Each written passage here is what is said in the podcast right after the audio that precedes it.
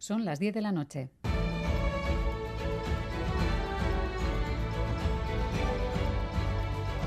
Radio Euskadi y Radio Vitoria. Servicios informativos. Repasamos los titulares de la jornada con John Fernández Mur, Gabón. Gabón, Miriam, noticias de este lunes 22 de mayo, día de hacer balance tras las inundaciones de este fin de semana en Guipúzcoa y sobre todo en Navarra. Los daños de las personas aseguradas ascienden a los 4 o 5 millones de euros, según nos ha explicado en Gambara el director de operaciones del Consorcio de Compensación de Seguros. Hasta el momento se han cuantificado daños en 185 viviendas, 95 vehículos y 55 establecimientos comerciales. Alejandro Izuzquiza.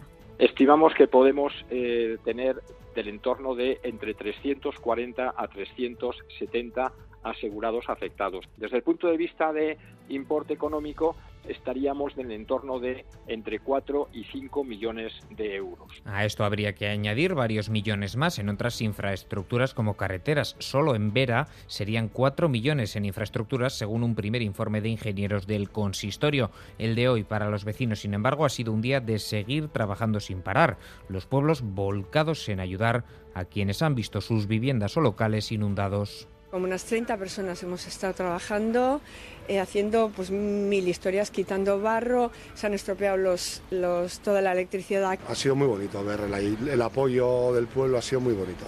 El gobierno de Navarra aprobará el miércoles pedir la declaración de zona catastrófica para Vera, Lesaca y Arano. La Fiscalía del Tribunal Constitucional considera que no habría que repetir el juicio del caso Bateragune. El Ministerio Público explica que un nuevo juicio en contra de la voluntad de los afectados, que ya cumplieron una condena luego anulada por Estrasburgo, supondría una infracción del derecho a la tutela judicial efectiva. El Pleno del Tribunal Constitucional deberá decidir ahora si vuelve a juzgar casi 15 años después a los detenidos por estar supuestamente reconstruidos constituyendo Batasuna por orden de ETA. El fútbol en el foco por los insultos racistas contra el jugador del Real Madrid, Vinicius Junior. Sí, los insultos racistas proferidos en Valencia están en manos de la Fiscalía. No es nada nuevo. Iñaki o Nico Williams figuran entre los futbolistas de primera que han sido víctimas de insultos racistas. Pero en este caso de Vinicius alcanza ya repercusión internacional. Incluso el presidente de Brasil, Lula da Silva, ha pedido que se eche al fascismo de los estadios. Eu penso que é importante que a, a, a, FIFA, que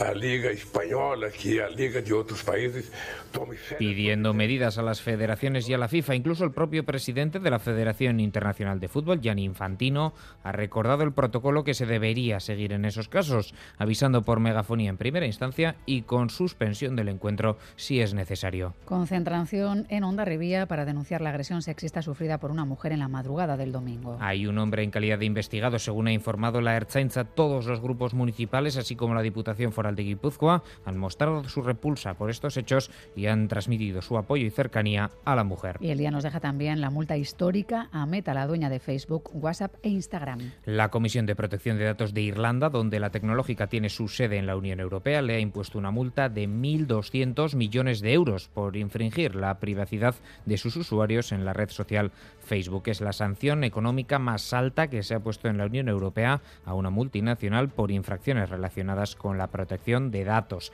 La tecnológica propiedad de Mark Zuckerberg tiene ahora un plazo de cinco meses para cumplir la regulación. Es todo, así terminamos. Más noticias en una hora y en todo momento en itv.eus y en la aplicación ITV Albisteac. Geruarte.